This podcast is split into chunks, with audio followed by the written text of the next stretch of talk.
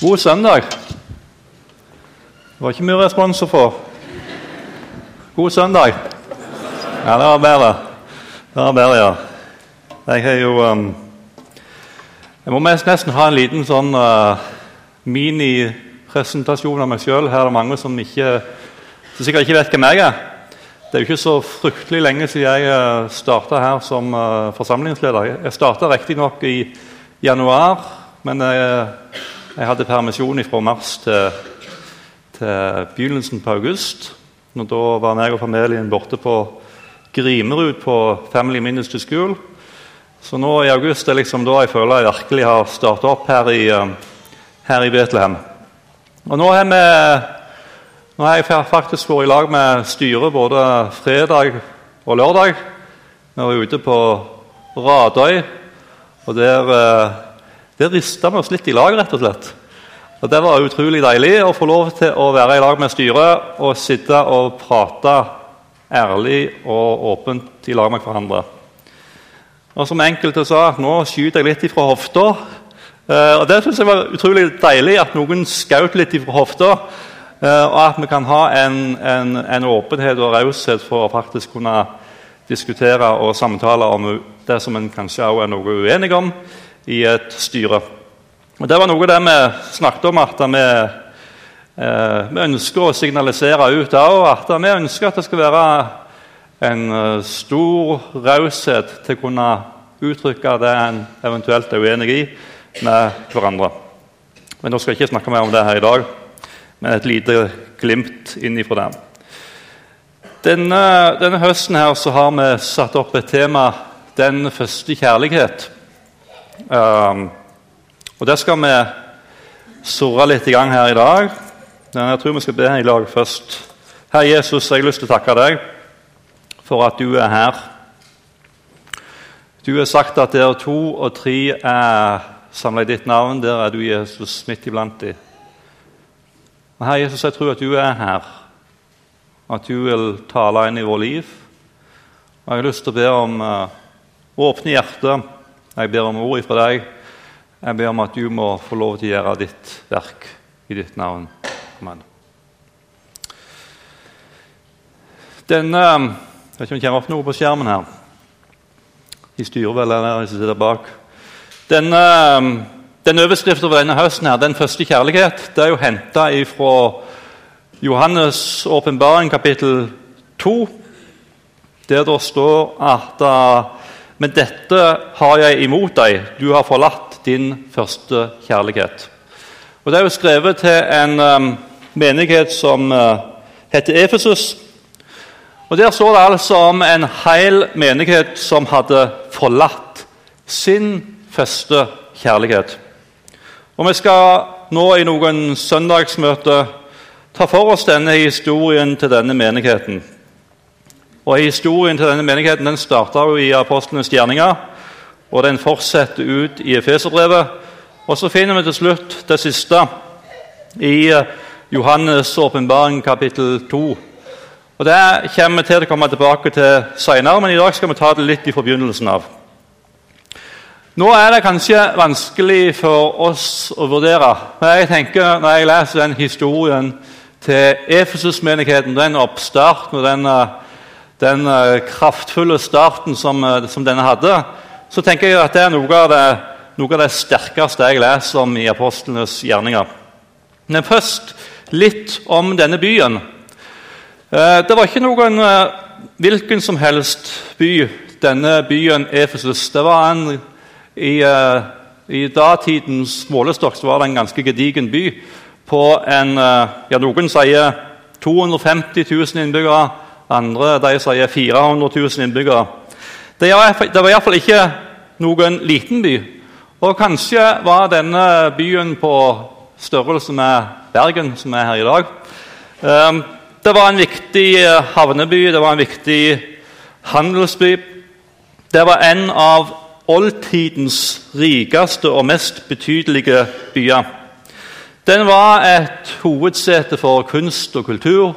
De hadde et svært teater der, som du finner ruinene igjen av i dag, som hadde plass til 25 000 mennesker. Eh, Efesus Bare ta et bilde videre. Efesus-menigheten var et, også et religiøst sentrum. Her ble nemlig den gudinnen Artemis tilbedt i Artemis-tempelet. Og der blir jo, Dette tempelet det ble jo i oldtiden regna som en av, av uh, verdens sju underverker. Det var en imponerende bygning som var laga både av sedertre, sypress, hvit marmor og gull. Og I denne byen hadde de noen vanvittig religiøse fester, der folk kom fra ulike deler av denne romerske provinsen som heter Asia. Det var i måneden eh, mars-april. Og da kom hundretusenvis av mennesker fra hele området, der de eh, bar disse bildene av denne gudinnen Artemis gjennom byen, og der eh, folk var i vill jubel og tilba denne avguden. Denne byen var for det meste hedninger, som dere sikkert forstår, men det var også en god del jøder i denne byen. her. Til denne byen kom Paulus eh, som evangelist og misjonær. Så må det ha vært så må det å komme til Efesus vært liksom å bevege seg inn i løvens hule. Du ser for deg alle disse interessene som var i denne byen. her. Vi leser først at Paulus var innom en liten tur på sin andre misjonsreise. Der står det om i Apostelen kapittel 8, og vers 19-21. Da de kom til Efesus, skilte Paulus lag med de andre og gikk til synagogen og førte samtaler med jødene. Disse ba ham om å bli der lenger, men, men det sa han nei til. Da han tok farvel, sa han til dem, om Gud vil, kommer jeg til dere en annen gang. Så seilte han ut fra Efesus. Nå står det ikke det her med rene ord, men jeg tenker når jeg leser disse versene her, at her i denne byen Efesus møtte Paulus noen som var åpne for evangeliet. Litt senere i samme kapittel så står det om en kar som heter Apollos, som også var innom i denne byen Efesus, som forkynte tydelig og grundig om Jesus. Og Så, så starta altså Paulus sin tredje misjonsreise i denne byen Efesus. Og Han var der lenge. Han var der i over Det står at han først var i synagogen i tre måneder. Og Så flytta han over til en, en plass som heter Tyrannes skole, der han underviste for, for, for mennesker i, i to år. Så han var der altså over to år i denne byen. her. Og I den tida som skjedde, eh, i den tida som Paulus var der, så skjedde det store ting i denne byen. her. Det står i eh, kapittel 19, eh, vers 11 og 12 at Gud gjorde helt uvanlige under ved Paulus' hender. Det hendte til og med at folk tok tørklær og arbeidstøy som han hadde hatt på seg, og la på de syke. Da slapp sykdommen taket, og de onde åndene for ut av dem. Det betyr um, og Det står at dette, dette hendte. Til og med dette hendte. Uh, men her var det bare et lite eksempel på de kraftige gjerningene som skjedde gjennom Paulus sin virksomhet, som ble nevnt. Eh, og Her var det antageligvis mange flere ting som kunne ha vært skrevet, som var sterke bevis på at Gud han var der og virka med både tegn og med under og helbredelse. Så står det videre om at det, det var noen som prøvde å gjøre det samme som, uh, som Paulus gjorde. Å drive ut onde ånder. Noen omreisende jødiske åndemanere, står det om. Og De prøvde å gjøre det samme som Paulus gjorde, men de var ikke i stand til det. Og, og Disse her som var besatt av onde ånder, de gikk faktisk klaus på disse folka. Og sånn at de måtte bare stikke av for ikke tape livet. Uh, og Dette ble jo kjent, at de hadde prøvd å bruke Jesu navn uten at de var en Jesu etterfølger. Og så står det da fra vers 19 dette ble kjent blant alle som bodde i Efesus, både jøder og grekere. så det kom frukt over alle. Og Herren Jesu navn ble lovprist. Mange av dem som var blitt troende, kom for å bekjenne og fortelle hva de hadde gjort. Og ikke så få av dem som hadde drevet med svarte kunster, kom med bøkene sine og brente dem mens alle så på. Verdien av dem ble regnet ut og ble til sammen 50 000 sølvpenger. Slik fikk ordet framgang og styrke ved Herrens makt. Um, jeg synes Det er bemerkelsesverdig å lese at det var mange mennesker som hadde kommet til tro, men de hadde ikke brøtet tidligere med sitt liv. Og når de så det som skjedde her, både disse tegn og disse under, og disse tingene som skjedde med Paulus, så står det at de begynte å lovprise Herren, og så brøt de med sitt tidligere liv. Og De lagde et gedigent bål der i byen. Eh, jeg skulle likt å være der. Jeg skulle likt å være der og sett det bålet. For det må ha vært ganske heftig. 50 000 sølvpenger var verdien av disse bøkene. Og det er en sånn ca. mellom 600 og, og 800 årsverk. Og hvis du da tenker, Jeg så det er en gjennomsnittlig årslønn i Norge det ligger faktisk på en halv million. Um, så da er det altså mellom 300 og 400 millioner kroner som var verdien av disse bøkene som de brant herrene midt i byen. Så steg denne røyken opp fra dette bålet her, med alle disse herrene bøkene som et vitnesbyrd om at Gud hadde fått skapt et nytt liv i noen nye mennesker. De hadde begynt en ny reise i lag med Jesus, der livet i lag med han fikk konsekvenser inn i uh, deres eget liv. Um, og så tenker jeg da, uh, Her står det bare om, om én ting de bekjente. Det står bare om én ting. Men det må sikkert være flere ting som de bekjente. Ikke bare disse her som drev med svartekunstnere eller trolldomskunstnere. Men det må være flere ting som de bekjente. Og Du kan tenke deg hvilket gjennomslag Gud fikk inn i denne byen når du bare tenker på dette bålet her, av alle disse bøkene. Men så var det andre ting òg som folk eh, hadde som, eh, som, som, de hadde i sine egne liv, som de brøt med, tok et oppgjør med, og som Gud førte de inn på en ny vei. Så tenker jeg at det må ha vært en nokså broket eh, det må være nokså nok broket forsamling. Tenker dere ikke det? Tenk på alle disse folka her som hadde all denne ulike bagasjen. Det må være nokså nok mange forskjellige mennesker med en ulik bagasje. Men så hadde de møtt Jesus, og så hadde de fått et nytt liv i sammen med han. Og så var de der i fellesskapet, og så priste de Gud. Og så brøt de med sitt tidligere liv, og så gikk de i en ny retning. Her er vi jo ganske, ganske strigla her da i Betlehem. er vi ikke det? Jeg tenker at Betlehem er en nokså strigla forsamling. Men jeg tror også det at hvis vi hadde begynt å lette litt på sløret og fortalt fra våre egne liv hva som egentlig, hvordan vi egentlig har det på innsida av skjorta, og hva som egentlig rører seg i våre liv, så kan det godt være at noen av oss hadde blitt ganske overraska. Guds ord det fikk framgang inn i denne byen. Og så var det ikke nok med det. Dette er ganske heftige saker. altså. Jeg synes det er ganske heftig når jeg leser dette. her. Ikke nok med det, men det står i, um, i kapittel 19 og vers 10 at når Paulus var der i Tyrannes skole, så fortsatte han med dette i to år, slik at alle som bodde i Asia, fikk høre Herrens ord, både jøder og grekere.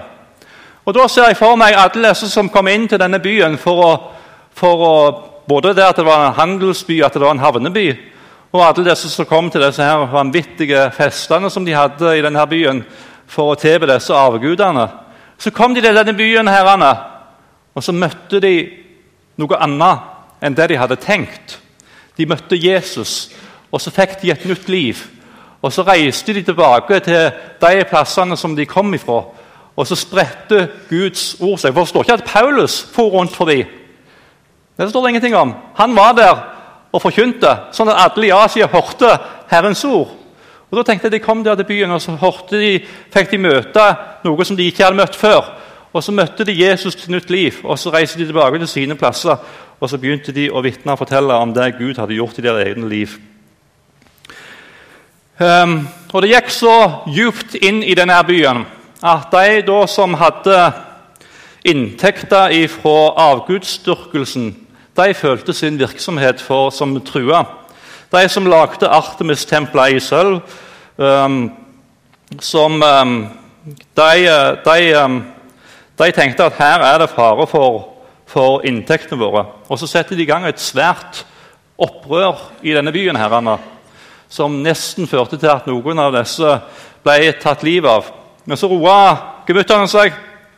Eh, og etter gemyttene hadde roa seg, så reiste Paulus ifra denne byen. Jeg vet ikke om du ser eh, om du kan se denne, Jeg har liksom prøvd å tegne opp denne her, oppstarten til Efesus-menigheten. Så jeg prøvd å tegne den opp for deg. Jeg vet ikke om du ser for deg hvilken, hvilken omveltning som skjedde i denne byen. For en start denne menigheten hadde. En lysende start. Og denne vekkelse som denne byen fikk oppleve, det tenker jeg, Når jeg leser gjennom Apostelens gjerninger, så mangler det nok sidestykke i den første kristne tid. Jeg ser mange mennesker som fikk et nytt liv, både i byen, men også utenfor byen. Og Guds rike, det gikk fram. Og Guds rike det gikk også fram, og Gud stadfesta ordet med tegn og med under. Og Så skal vi vende oss litt til oss, da. Nå sitter jo vi her. Eh, tenk, om, eh, tenk, om, Paulus hadde kommet til Bergen. Det hadde jo vært saker, det. Han hadde kommet herrene til, til, Bergen by og hatt eh, virksomhet. Nå, er jo ikke, nå kan vi jo bare drømme om det, da. Men jeg tenker at historien til denne forsamlinga her som er i dag, den forteller mye av det samme. Ikke alt, og det er langt, på, på, langt nær så sterkt. Men historien til denne forsamlingen her, den forteller noe av det samme som skjedde i Efesus. Historien til, til Betlehem eller Bergens Indremisjon forteller mennesker som møtte Jesus i hopetall når det er vekkelsen som gikk inn over denne byen i 19, 1909 eh, og utover, så slutta de å telle nye mennesker som ble kristne når de passerte 1000 mennesker. Og Da fortsatte vekkelsen enda en tid inn i denne byen. Og jeg tenker Når jeg ser for meg hva som skjedde i disse her vekkelsestidene, så tenker jeg her var det mange mennesker som ble berørt. Og når mange mennesker blir berørt, så er det mange familier som blir berørt.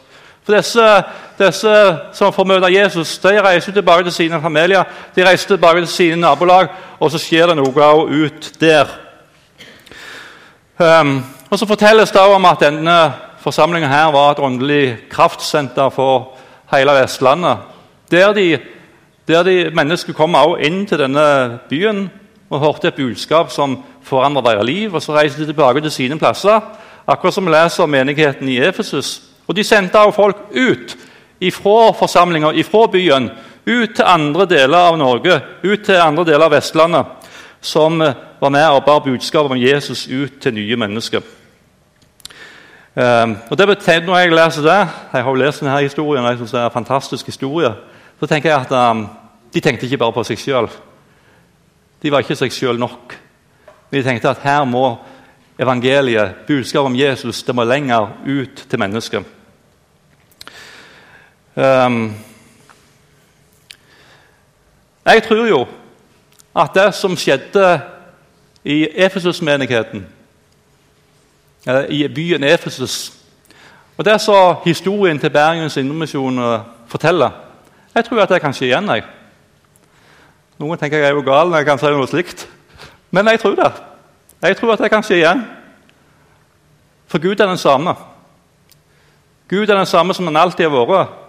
Og når Gud kunne gå inn og berøre en sånn by som var så preget av hedenskap som denne byen Efesus var, vet du hva jeg kjenner da? Jeg kjenner det gir håp. Det gir håp om at Gud kan gjøre noe av det samme som vi leser om der igjen. Og jeg tenker Denne byen her som vi har i dag, den er jo en, en 250 000-300 000 innbyggere. Ikke noe slikt? Jo, det er noe sånt. Jeg tror Gud kan gjøre noe av det samme inn i denne byen her.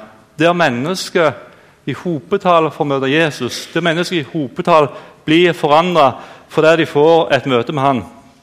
Og Da tenker ikke jeg at vi skal kopiere det som skjedde i Efesus, eller kopiere det som skjedde i Bergens Indremisjons historie i begynnelsen av 1900-tallet.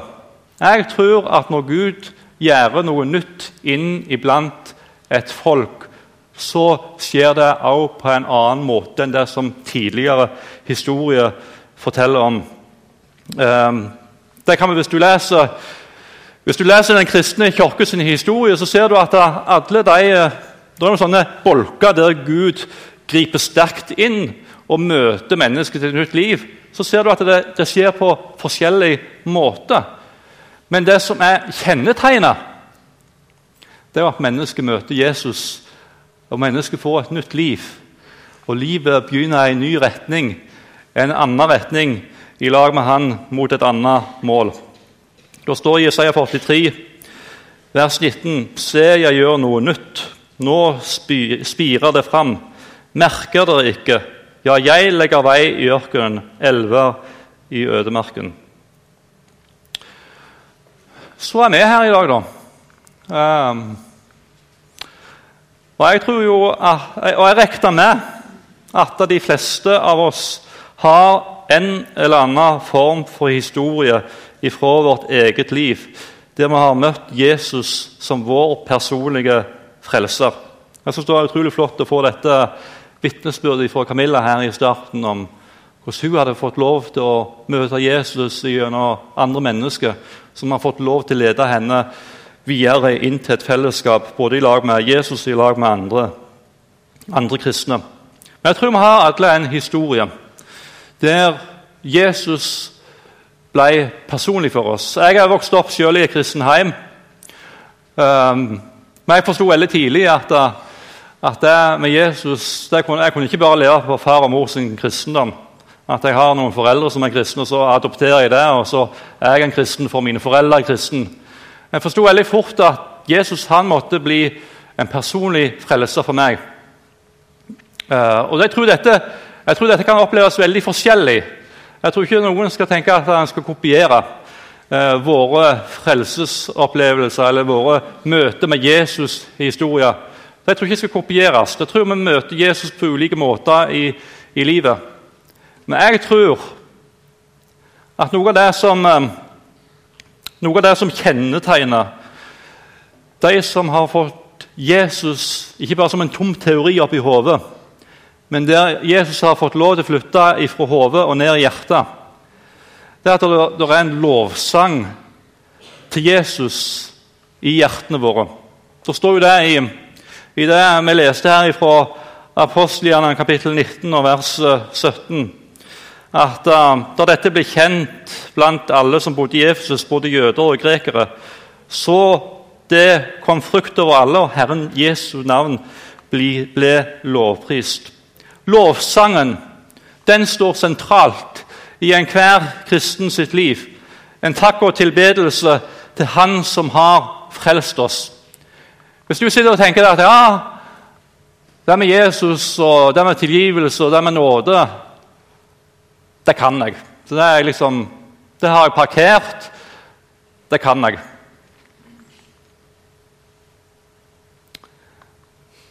Jeg håper ikke du har det sånn at uh, det Jesus ønsker å være for deg For jeg tenker det, Når jeg kjenner mitt eget liv, så, så kjenner jeg at, det, at Hans nåde, Hans tilgivelse, det er jo ikke bare noe som jeg en gang tok imot, men det er noe jeg trenger i dag. Jeg trenger det her jeg står nå i dag. Så trenger jeg Hans nåde Hans tilgivelse.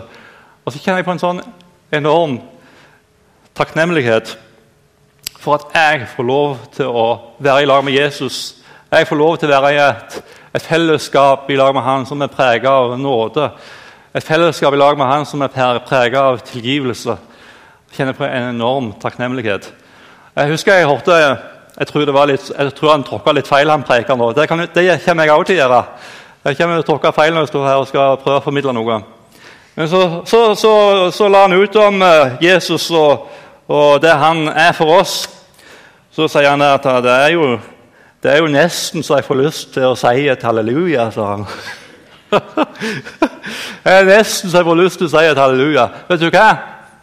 Jeg håper det at det ikke bare er sånn at du nesten får lyst til å si et halleluja, men at du kjenner en djup takknemlighet og en lovsang til Gud i hjertet ditt. Og Jeg håper ikke, det, jeg håper ikke vi skal være en sånn forsamling som bare har denne lovsangen lukka inn i hjertene våre, og så takker vi Gud for at vi får være frelst.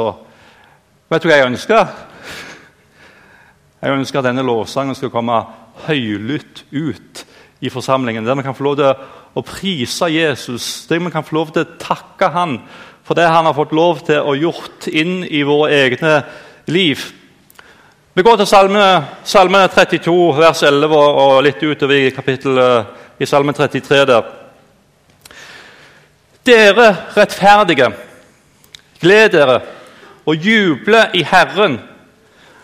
Og vet du hva står? Bryt ut i fryderop alle oppriktige av hjerte, rop av fryd for Herren. Dere rettferdige. Det er rett at de oppriktige synger lovsang. Pris Herren til lyre, spill for ham på tistrenget tarpe. Ja, det skulle vi likt å ha til i Betlehem. Den tistrenge tarpe. Syng en ny sang for ham, spill vakkert og rop med jubel. For Herrens ord er sant, alt han gjør kan en stole, alt han gjør, kan en stole på. Og Vi kunne ha nevnt eksempel på eksempel gjennom Salmenes bok, gjennom Bibelen, der lovsangen, takken og tilbedelsen for at jeg virkelig får lov til å ha fellesskap med en nådig Jesus, det er noe som er sentralt i enhver kristen sitt liv. Og Da har jeg lyst til å spørre kjenner du det.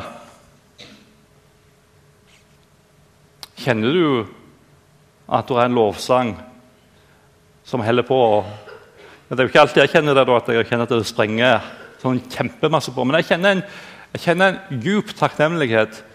Jeg kjenner en djup glede å få lov til å leve i lag med Jesus, som er full av nåde. Jeg har lyst til å si, Hvis du aldri har kjent hvis du aldri har kjent for det går an, Jeg tror det går faktisk veldig godt an. Jeg. Det går an å komme inn på bibelskolen som elev.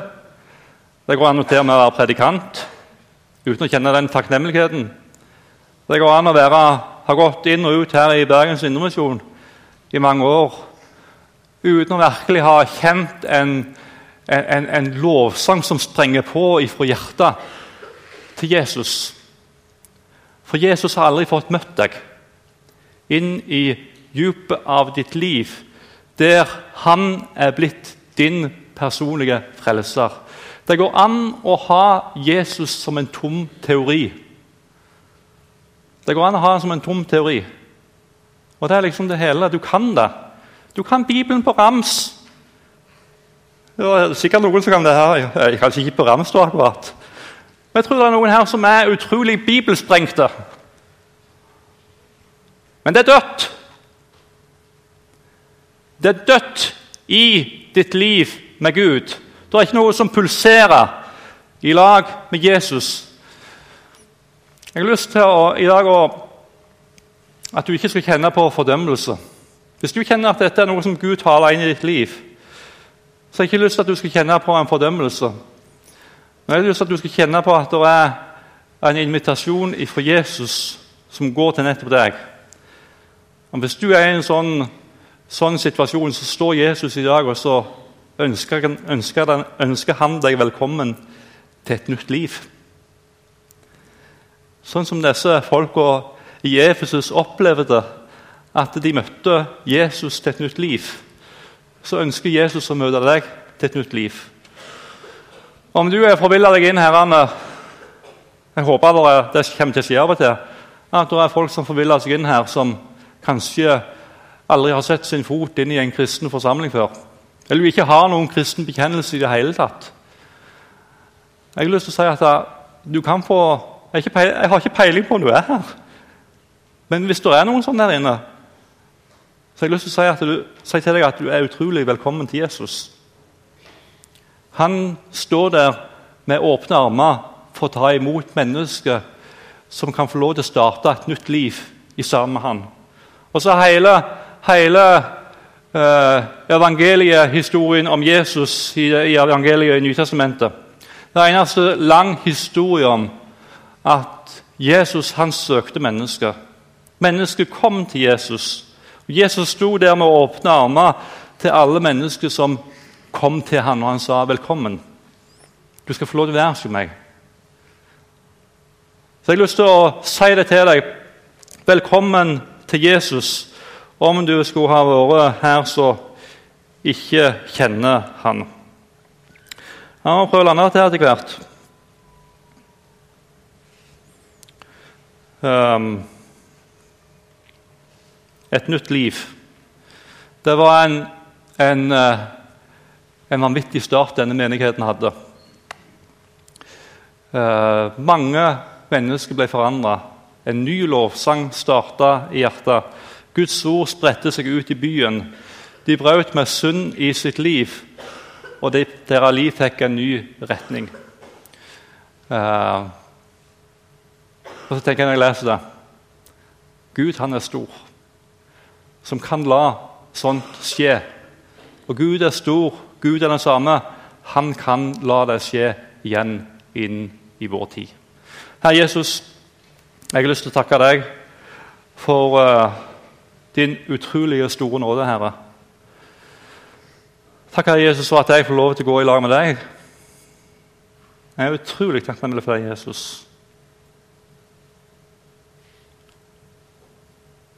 Og takk for at når jeg eh, av og til legger ned fortellinger Herre,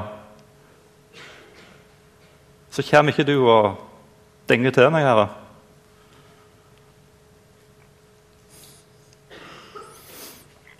Men du kommer og så Så reiser du meg opp igjen, Herre. Takk, Jesus. Eh, takk, Jesus.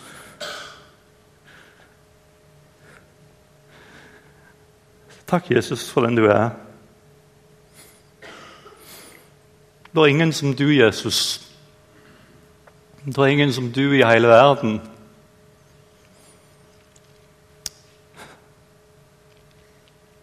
Og så har jeg lyst til å be deg, Herre, for For alle oss som er her at vi må få lov til å gå i lag med deg. Få lov til å følge etter deg, Herre Jesus.